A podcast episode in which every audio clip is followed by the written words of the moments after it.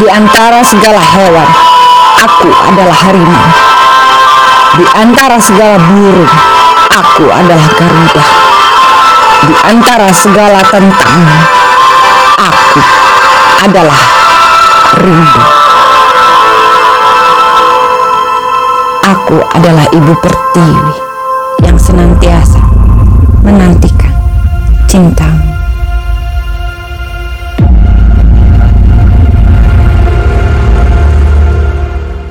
Saya senang sekali hari ini bisa eh, berjumpa dengan para guru di acara uh, workshop menulis yang memang sudah lama saya impikan untuk bisa diberikan kepada para guru Indonesia. Ini saya kasih pasang lagu ya karena buat saya biar uh, kita lebih apa namanya lebih ada sentuhan rasa saya kasih lagu sedikit biar biar kedengaran oke. Okay. nah, jadi buat saya guru itu sangat spesial. Dan beberapa waktu yang lalu guru saya iya, SMA membuat sebuah buku yang berjudul Bangga Menjadi Guru. Namanya Bapak Suradi saya ayah Beliau adalah guru SMA saya, guru sejarah waktu saya masih di SMA Negeri 8 Jakarta. Dan saya sangat terharu ketika beliau menghubungi saya untuk menulis. menulis tulisan buat guru saya yang sudah lama sekali tidak berjumpa. Dan uh, rasanya luar biasa. Beliau pada waktu SMA memberi guru sejarah yang pada waktu itu mungkin banyak orang, banyak murid-murid tidak peduli dengan eh, pelajaran sejarah karena pelajaran sejarah dianggap hanya hafalan semata. Tetapi cara dia, cara beliau menyampaikan sejarah berbeda. Waktu itu beliau masih kuliah di UI, eh, menjadi guru di SMA saya dan juga seorang wartawan. Sehingga kami sebagai murid tidak ada yang bisa melupakan beliau. Karena cara beliau mengajarkan sejarah penuh dengan tulisan, penuh dengan cerita, menjadi inspirasi. Sampai sekarang, tidak ada satupun muridnya yang bisa melupakan beliau. Dan beliau menjadi inspirasi buat saya sendiri untuk belajar sejarah lebih banyak hingga kemudian kami sering diskusi, sering menulis bareng. Dan bagi saya ini menjadi inspirasi. Jadi acara workshop ini terinspirasi dari guru saya sendiri, uh, Pak Suradi. Uh, saya nggak tahu beliau ada di sini apa enggak, karena kemarin saya udah invite, cuman beliau bilang ada acara. Um, ya, di sini para alumni menulis. Salah satunya saya ini ada uh, kawan saya Erlangga Pribadi Kusman PhD dia dosen ilmu politik Universitas Erlangga. Lalu ada dokter ada Ibu Siti Nurbaya yang uh, menjadi Menteri Lingkungan Hidup dan Kehutanan kita saat ini. Beliau memang senior saya di sana. Bangga menjadi guru. Siapa pun kami yang pernah menjadi murid tentunya merasa bangga sekali bila bisa memberikan sesuatu bagi para guru. Karena itu, sebelum saya mulai, saya ingin sampaikan. Terima kasih, guru. Untuk semua para guru. Semoga ke depan akan banyak lagi guru-guru yang lahir dari tunas-tunas muda untuk bisa mendidik uh, apa ya Indonesia menjadi lebih baik dan memiliki kehidupan yang lebih baik. Amin. Uh, ini saya perlu sampaikan bahwa hari ini juga kebetulan adalah launching dari tindaemas.co.id.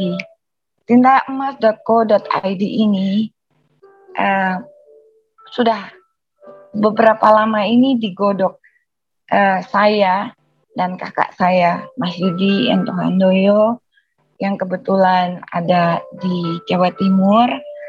Uh, juga ada uh, kawan kami Mas Irfan dan uh, Mas Adi Satrianur. Uh, kami berbincang-bincang pada waktu itu saya memiliki uh, gagasan untuk membuat sebuah sekolah khusus bagi menulis. Karena selama ini kita kekurangan menulis. Anak-anak sekolah bahkan di kuliah tidak diajarkan menulis.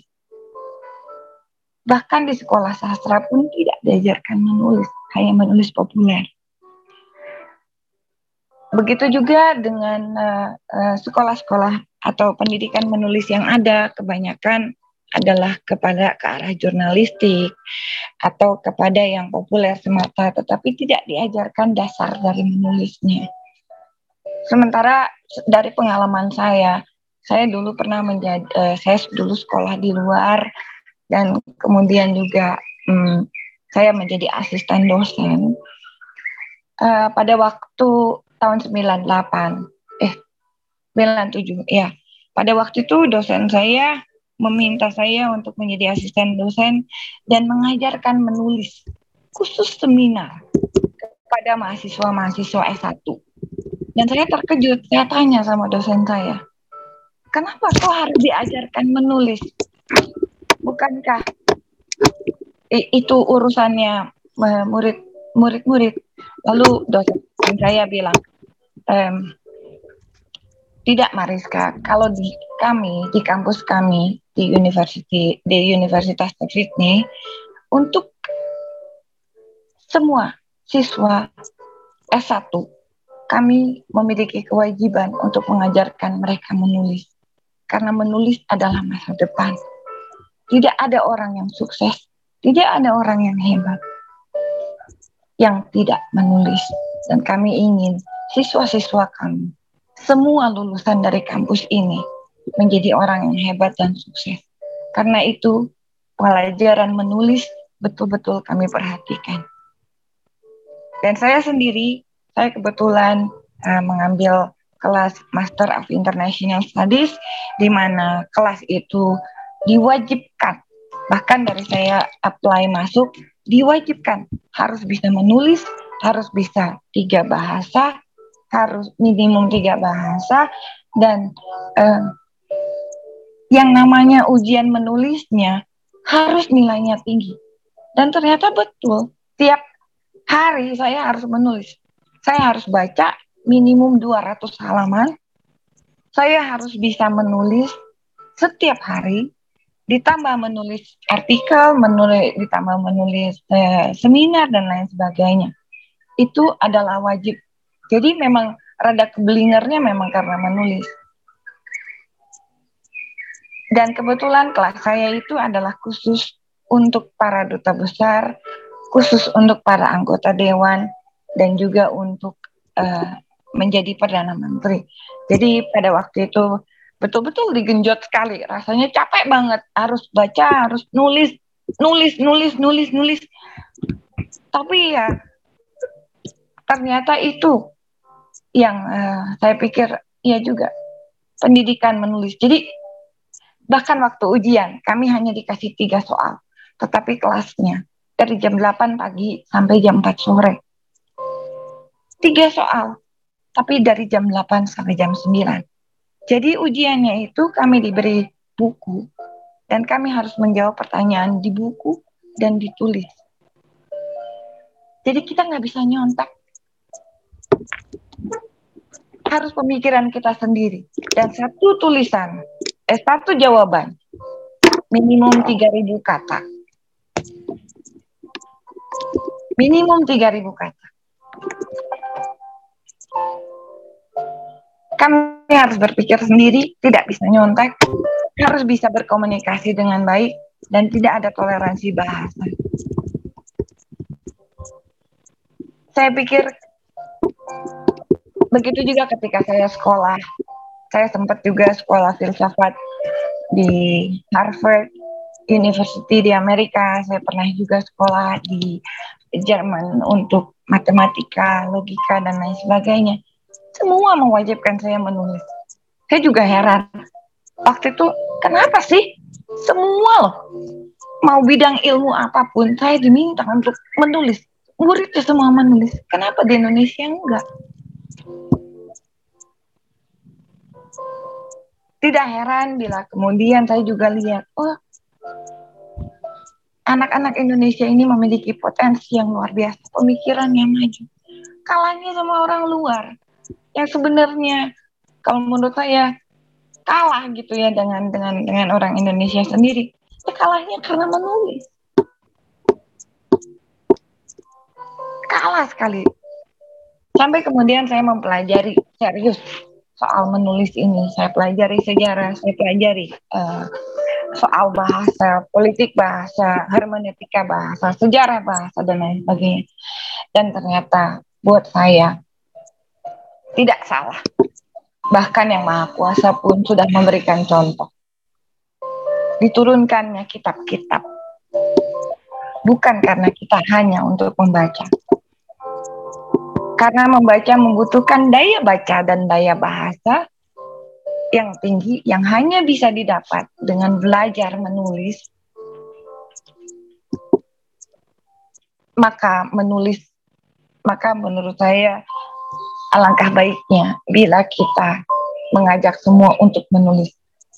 Mungkin kita banyak membaca sudah, kita uh, apa ya banyak bacaan, tetapi untuk menulis ini yang masih sangat kurang. Sementara untuk bisa mampu membaca yang baik dan benar, mengerti arti dan makna kata yang sesungguhnya, hanya bisa dilakukan lewat menulis. Indonesia memiliki budaya menulis yang luar biasa.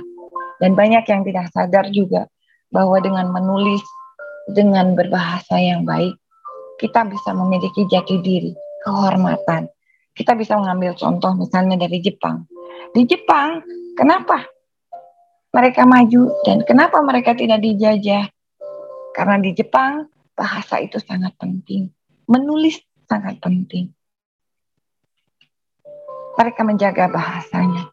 Kita lihat Perancis, Perancis pada saat revolusi industri, eh revolusi Perancis maaf. Kenapa kaum eh, apa rakyat mereka benci sekali dengan uh, monarki, dengan feodalisme. Tetapi bahasa yang menjadi kehormatan tetap dijaga sampai sekarang. Dan itu menjadi bahasa kehormatan. Yang lucu saya waktu itu pernah ke satu wilayah di Amerika Selatan. Di kampung. Di kampung terpencil. Di satu wilayah di Amerika Selatan. Eh, saya sampai tersentuh gitu ya karena mereka memiliki budaya siapa pun perempuan laki kaya miskin tidak peduli. Yang penting harus rapi. Ke mana pun pergi harus rapi. Harus bisa menari daerah. Kalau mereka tidak bisa menari daerah dianggap norak. Kalau di kita dibilangnya apa ya bahasanya ya norak deh. Pokoknya kalau kamu nggak bisa menarikan tarian tradisionalnya kita kamu itu sudahlah nggak mau kami bermain. Dan bahasa, ketika mereka menjelaskan, kenapa bahasa kalian yang berbahasa Spanyol ini kelasnya tinggi sekali, padahal di kampung.